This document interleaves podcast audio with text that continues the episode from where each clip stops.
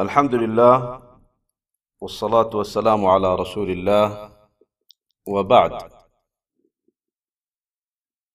في القراءة والتعليق من كتب شيخ الإسلام ابن تيمية رحمه الله في كتاب الواسطية ثم قال رحمه الله وقوله إذا قام أحدكم إلى الصلاة فإن الله قبل وجهه فلا يبصقن قبل وجهه ولا عن يمينه ولا عن يساره أو تحت قدمه وفي هذا يريد أيضا إثبات العلو لله سبحانه وتعالى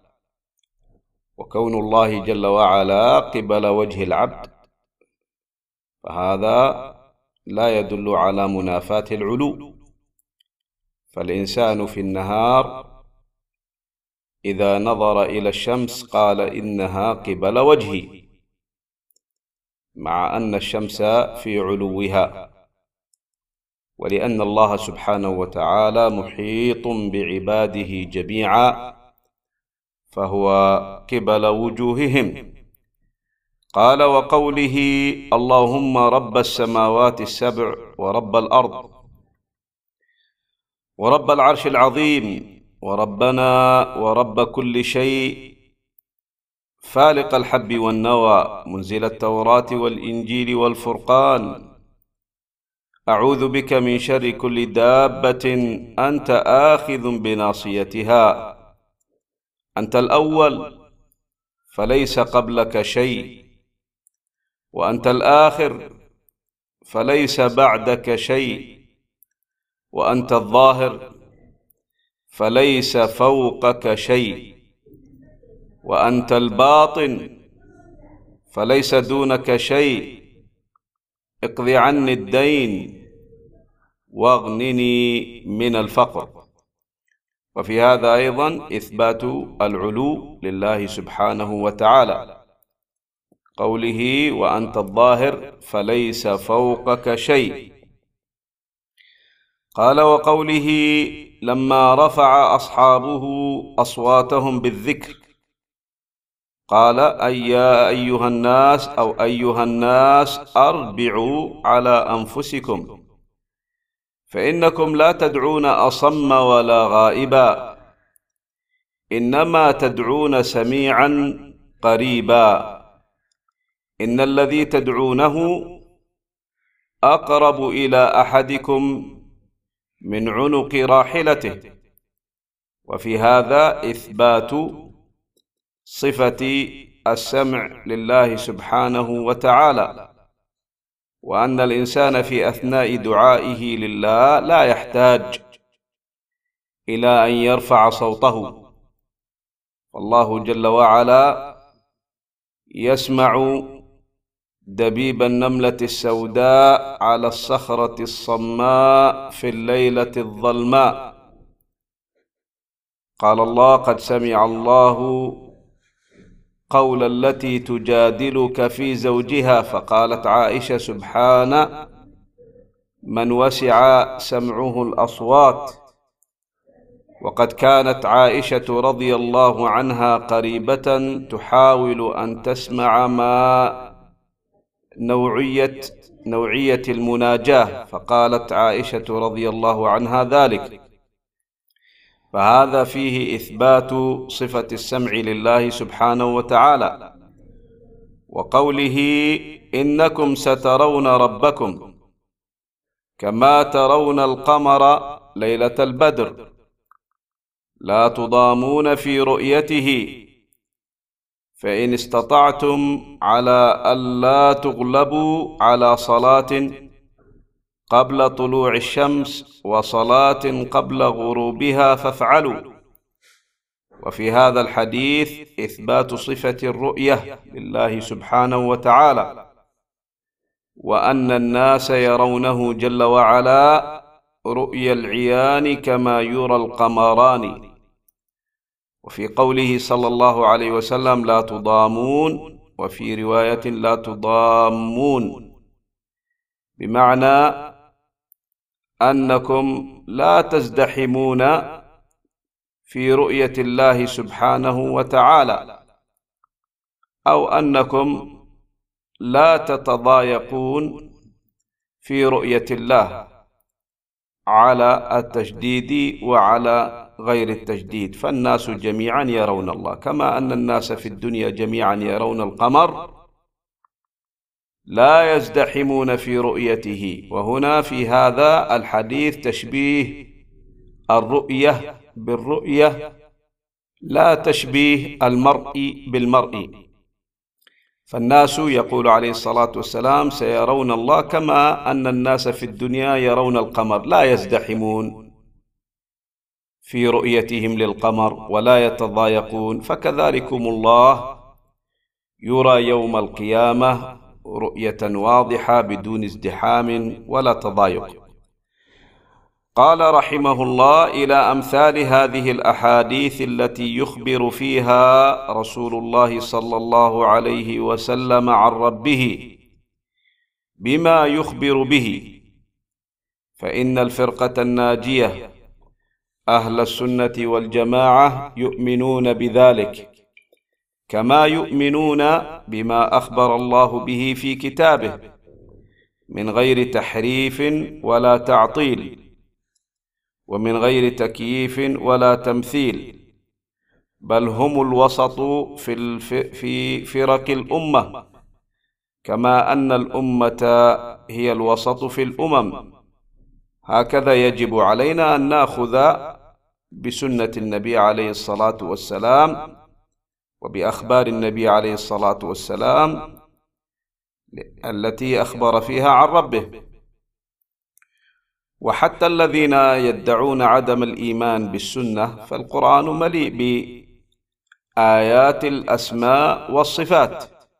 ومن ذلكم أيضا الرؤية وجوه يومئذ ناظرة إلى ربها ناظرة لكن يجب الأخذ بالسنة فإنها مبينة للقرآن ألا إنني أوتيت القرآن ومثله معه والله يقول وما آتاكم الرسول فخذوه وما نهاكم عنه فانتهوا قال من غير تحريف التحريف قلنا في الدليل ولا تعطيل التعطيل في المدلول ومن غير تكييف التكييف هو ذكر الصفة بدون مقيد يعني يتكيف شيئا في ذهنه ولا تمثيل التمثيل هو ذكر الصفة بمقيد يعني يقول هذا مثل هذا يعني يذكر شيئا مماثلا له فكل هذه المعاني لا يجوز إعمالها في كتاب الله ولا في سنة النبي عليه الصلاة والسلام فلا يجوز التحريف ولا التعطيل ولا التكييف ولا التمثيل إنما نثبت لله سبحانه وتعالى صفاته على وجه الجمال والجلال والكمال قال فهم وسط في باب الأسماء أو في باب صفات صفات الله سبحانه وتعالى بين أهل التعطيل الجهمية الجهمية نفوا عن الله جميع الأسماء والصفات أتباع الجهم بن صفوان قال وبين أهل التمثيل المشبهة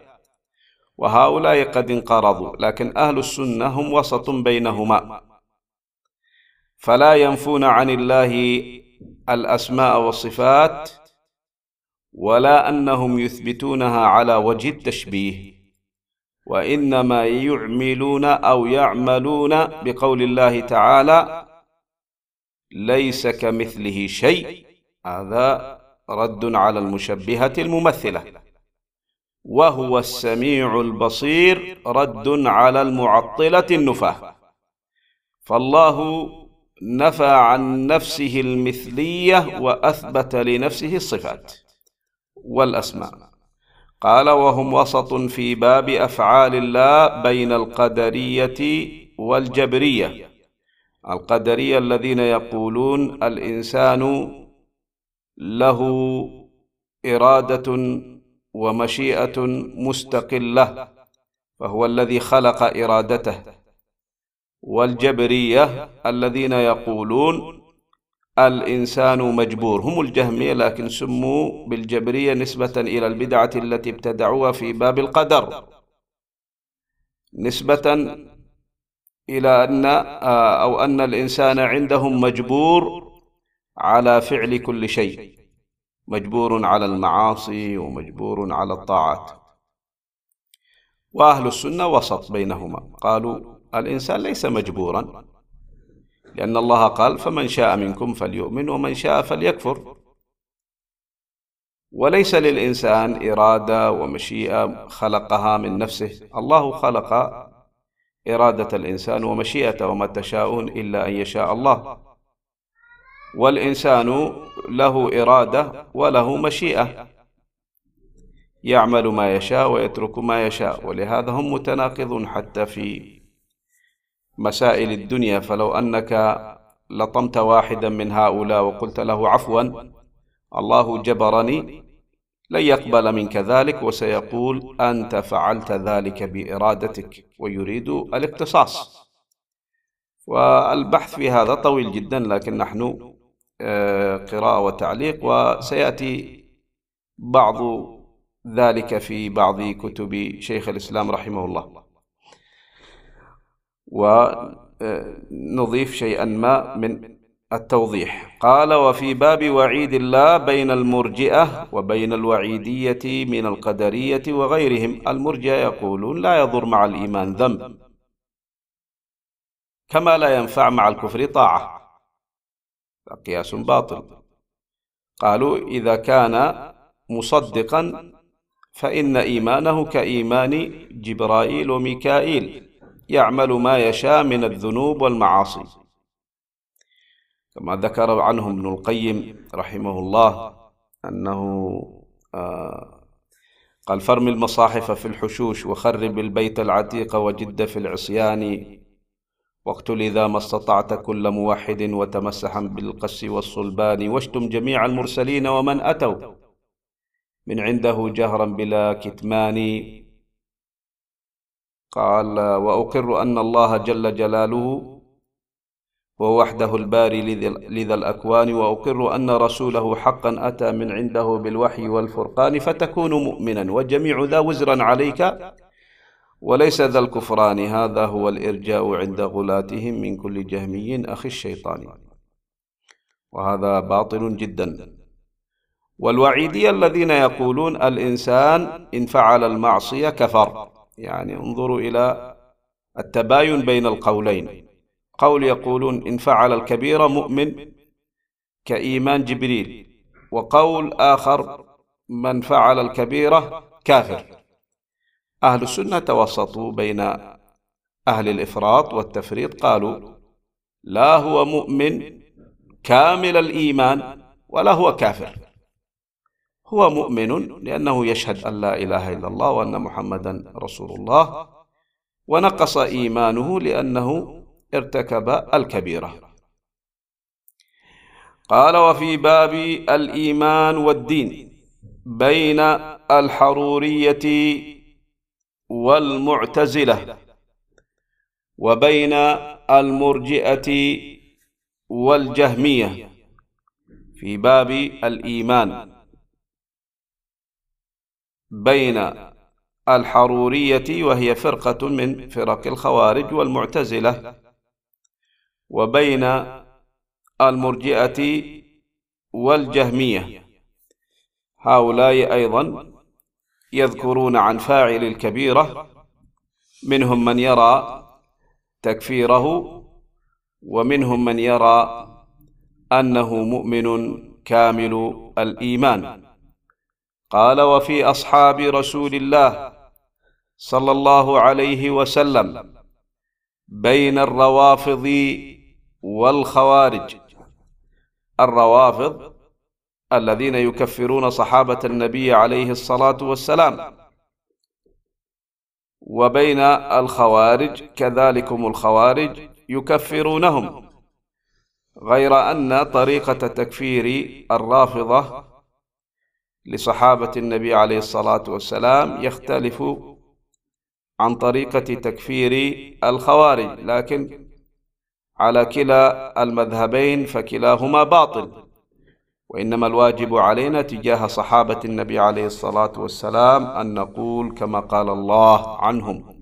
رضي الله عنهم ربنا لا تجعل في قلوبنا غلا للذين آمنوا ربنا إنك رؤوف رحيم فهؤلاء سبقون بالإيمان فلا يجوز أن يكون في قلوبنا غل أو حقد على أحد من الصحابة كأبي بكر وعمر وعثمان وعلي والعشرة وأهل بيعة الرضوان وأهل بدر وغيرهم قال وقد دخل فيما ذكرناه من الإيمان بالله الإيمان بما أخبر الله به في كتابه وتواتر عن رسول الله صلى الله عليه وسلم واجمع عليه سلف الامه من انه سبحانه وتعالى فوق سماواته على عرشه علي على خلقه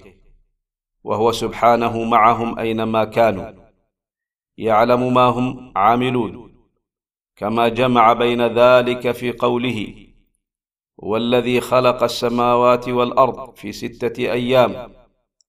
ثم استوى على العرش يعلم ما يلج في الارض وما يخرج منها وما ينزل من السماء وما يعرج فيها وهو معكم اينما كنتم والله بما تعملون بصير وليس معنى قوله وهو معكم اي مختلط بالخلق فان هذا لا توجبه اللغه وهو خلاف ما اجمع عليه سلف الامه وخلاف ما فطر الله عليه الخلق بل القمر ايه من ايات الله من اصغر مخلوقاته ثم هو موضوع في السماء وهو مع المسافر اين كان وهو سبحانه فوق العرش رقيب على خلقه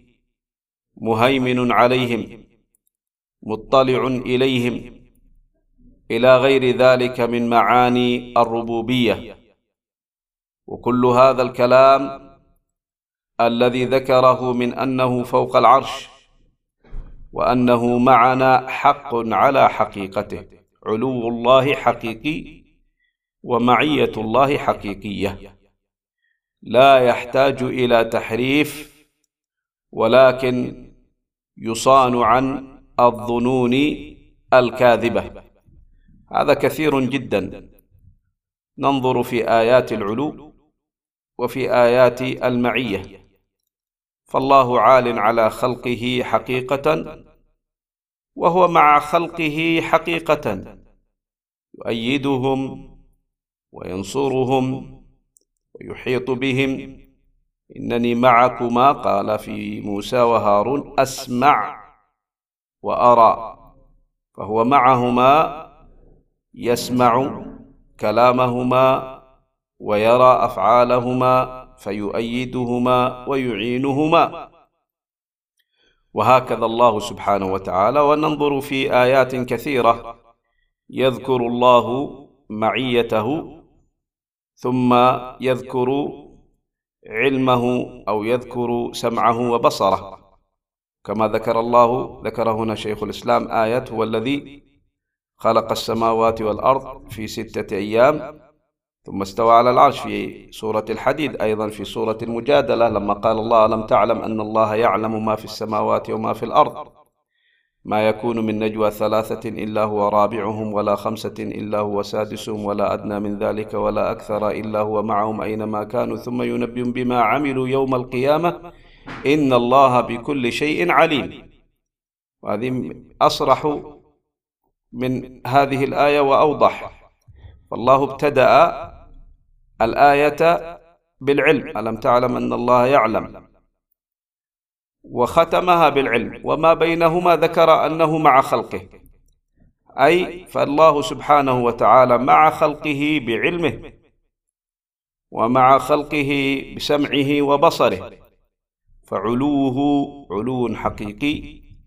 كما ان معيته سبحانه وتعالى معيه حقيقيه بهذا القدر نكتفي والله تعالى اعلى واعلم